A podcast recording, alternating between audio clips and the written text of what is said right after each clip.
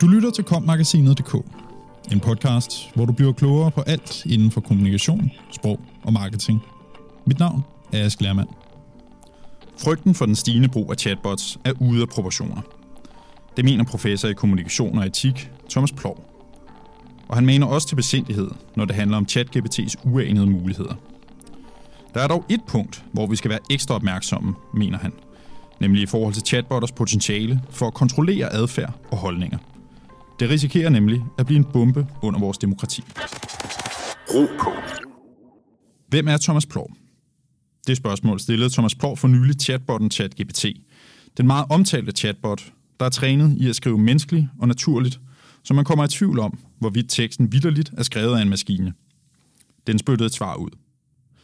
Noget var korrekt, og så var der meget, der absolut ikke var. Den gjorde mig blandt andet til forfatter af en bog om AI, som jeg ikke har skrevet. Det gjorde på sin vis mening, for de tekster, som chatbotten er fodret med, vi kæde mit navn sammen med AI. Men jeg var, og er ikke, forfatter til den pågældende bog. Den mente også, at jeg havde arbejdet på Aarhus Universitet, men der har jeg aldrig været ansat, siger Thomas Plov. Og hvem er han så, professoren i dataetik ved Institut for Kommunikation på Aalborg Universitet, som netop nu sidder i sin Tesla, mens han taler om kommunikation og sprog? Ja, han er tidligere medlem af Etisk Råd. Han har skrevet en lang række forskningsartikler om etiske aspekter af AI og databrug, og også bogen Ethics in Cyberspace. Så har han i mange år beskæftiget sig med etiske spørgsmål om medicin og teknologi. I den senere tid har han haft mere end almindeligt travlt, især med at svare på spørgsmål fra journalister. Som en af landets førende eksperter inden for etik og teknologi, har de ville høre hans svar på, hvad vi skal være bange for for chatbots. Harmløse chatbots. Spørgsmålet kom i kølvandet på, at Italien trak i håndbremsen og satte brugen af ChatGPT på hold. Mistanken lød på ulovlig indsamling af data og manglende mulighed for at verificere brugernes alder. Dertil kommer, at tusind af tech-verdenens fremtrædende aktører, blandt andet Elon Musk og Steven Wozniak fra Google, har skrevet under på, at udviklingen af chatbots bør sættes på pause. Røde lamper blinker derude, og man ser skrækscenariet. Et samfund, hvor de fleste funktioner er erstattet af robotter, og hvor mennesker bliver fremmedgjort for sig selv og hinanden, fordi man ikke kan komme til at tale med nogen, men kun et bot, der svarer på FAQ. Vi skal passe på med for hurtige konklusioner, siger Thomas Plov. Om vi skal være bange for den kunstige intelligens, er jo delvist et empirisk spørgsmål. Vi må holde fast i en dokumentation af tingenes tilstand, før vi kan sige noget om dem. Debatten har typisk handlet om muligheden for at manipulere mennesker og desinformere dem. Men her taler vi om bevidst vildledning og misinformation. Og det er jo ikke den intention, der ligger bag udviklingen af chatbots, siger Thomas Plov. Det er stadigvæk en forsvindende lille del af den kunstige intelligens, der bruges til at mislede folk. Langt det meste tjener hverdagsagtige formål, som nu, hvor jeg sidder og kører i en bil, hvor en stor del er styret af kunstig intelligens, eller den quiz, jeg netop har bedt ChatGPT lave. Jeg bruger også bots til oversættelse af tekster, for eksempel spørgeskemaundersøgelser. Det er jo helt harmløst og meget gavnligt, fortæller Thomas Plov. Men lige så imponeret man kan være over ChatGPT'en, lige så mange elementære fejl laver den, som Thomas Plov siger. Beder man den lave x antal opgaver, vil der være fejl i 95 af dem. Botten kan ikke erstatte menneskelig arbejde 100%, og man er nødt til at lave en kritisk gennemlæsning af de tekster, den skriver, for der er risiko for faktuelt forkert information. Etisk problematisk. Problemet opstår paradoxalt nok der, hvor AI-systemer ligner det skaber for meget. Et berømt eksempel stammer fra systemet Compass, der i det amerikanske retsvæsen bliver brugt til at vurdere indsattes risiko for at begå ny kriminalitet og ryge tilbage i fængsel. Her bruger systemet datadrevne modeller, og en analyse af systemet viser, at farvet fik en højere score end hvide, altså åbenlyst diskrimination. Et andet eksempel stammer fra Amazon, der brugte kunstig intelligens som et rekrutteringsværktøj. Softwaren var designet til at løbe igennem CV'er for at finde den bedst kvalificerede til stillingen, men endte med at diskriminere kvindelige ansøgere. Mangel på præcision og bias i AI-modellerne kan blive voldsomt etisk problematiske, siger Thomas Plov.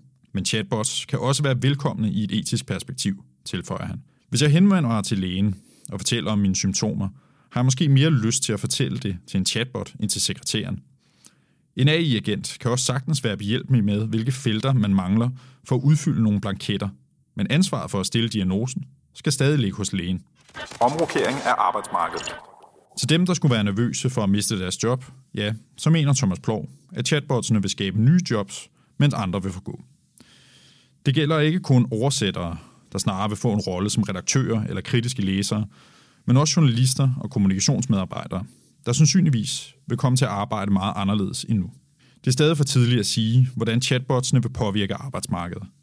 Men hvis man ser på mediebranchen, kunne man sagtens forestille sig, at man bruger bots til at skrive de korte nyhedsartikler. Mange af dem bliver i forvejen produceret af Ritzau. Journalisterne kan så bruge arbejdstiden på de lange features, eller på at tænke kreativt, og at få originale idéer til features og baggrundsartikler. Chatbots har deres begrænsning i de længere tekster, så her vil man typisk stadig bruge journalister og redaktører. Ligesom fakta skal tjekkes, ja, så bør kommunikationsafdelingerne også være ærlige i deres kommunikation. Beder man chatbotten for at fatte personlige indlæg, bør man tænke sig om en ekstra gang, mener Thomas Plov. Er teksten skrevet som en dagbog, hvor læseren skal føle, at man kigger ind i afsenderens sjæl, går det ikke, hvis kunden bagefter finder ud af, at teksten er forfattet af en algoritme. Så vil man føle sig ført bag lyset. Det samme gælder kunders irritation over chatbots, der ikke svarer på det, man spørger om. En overdreven brug af chatbots kan i sidste ende skabe større irritation end velvilje hos kunden. Som kommunikatør bør man stille sig spørgsmålet, hvilken relation vil man gerne have til sine læsere? For kommunikationen en dimension til helhedsfornemmelsen og noget, man ikke kan undvære? Vil man gerne have et medie med autenticitet, hvor man kommunikerer fra menneske til menneske? Eller vil man spare penge og springe over, hvor gæret er lavest, og skamhøste de lavt hængende frugter? Diskrimination. Et er den kommunikation, som virksomheder udsender. Noget andet er den digitale virkelighed, kommunikationen indgår i. Et af de gentagende spørgsmål, som Mads Plov får, handler om ansvar. Kan man stille en chatbot til ansvar? Og forløbig er svaret nej. I nogle situationer giver det bedst mening at placere ansvaret hos udviklerne. I andre situationer må det ligge hos dem, der bruger chatbotsene, siger Thomas Plov. Tidligere i år lagde ægteparet Gonzales sammen med 100 organisationer sag an mod Google. De to er forældre til Reynolds Gonzales, der mistede livet under terrorangrebet på spillestedet Bataclan i Paris i 2015. Anklagen lød på, at Google, der er YouTube, har et medansvar for radikalisering af ekstremistiske holdninger, og at Google i sidste ende har ansvaret for terrorangreb opildnet af YouTube-videoer. Højesteret er netop nu ved at se på lovgivningen, der siden 1996 har fritaget tech-giganterne for ansvaret for indholdet på internettet. Men gælder det også, når man designer algoritmer, der aktivt foreslår mere indhold om det, man netop har set? Ekokammerne på internettet, hvor man blot møder det, man selv søger på, er jo ikke noget, der er sket overnight. Det er udviklet med internettet over mange år. Og vi har fået en algoritmestyret virkelighed, der kan være et alvorligt problem for samfundsudviklingen og følelsen af fællesskab, fordi det skaber større polarisering. Hvis folk slet ikke møder synspunkter eller holdninger, der strider mod deres egne, er det jo en bombe under demokratiet. Og det er noget, man må holde øje med, siger Thomas Plov. Uddannelse, uddannelse, uddannelse. Det er svaret på kritikken, og frygten for, at chatbotsene overtager debatter, og det er algoritmerne pisker en stemning op. Samme overvågenhed bliver undervisningsinstitutioner nødt til at have, særligt når det bliver så nemt for elever at skrive opgave. En af løsningerne kunne være, at man i langt højere grad burde eksaminere mundtligt, mener Thomas Plov. Men Thomas Plov er ikke så bekymret, at han mener, at man bør stoppe udviklingen af kunstig intelligens. Kunstig intelligens er en potent teknologi, der så afgjort kan gøre skade på mennesker og samfund. Men det er også en teknologi, der rummer et stort potentiale for at skabe velfærd. Som udviklingen ser nu, ser jeg ikke tegn, der får mig til at sige, at man bør stoppe udviklingen. Men vi bør diskutere, hvilket samfund vi gerne vil have, og være varsomme med kun at bruge kunstig intelligens til at understøtte den samfundsmodel. I Vesten er det nok de færreste, der ønsker et kinesisk system, hvor overvågning og profilering af befolkningen er langt mere omfattende, siger Thomas Plov. Han skal videre. Forelæsningen venter, og endnu kan Thomas Plovs bil ikke køre ham helt til dørs, mens han tager sig en lur undervejs. Du lyttede til kommagasinet.dk. Podcasten til dig, som elsker kommunikation, sprog og marketing. Subscribe, del og lyt med i næste uge. Podcasten er indtalt af Anne Nim og Ask Lermand, produceret af Mark Justusen Pedersen og udgivet af Kommunikation og Sprog.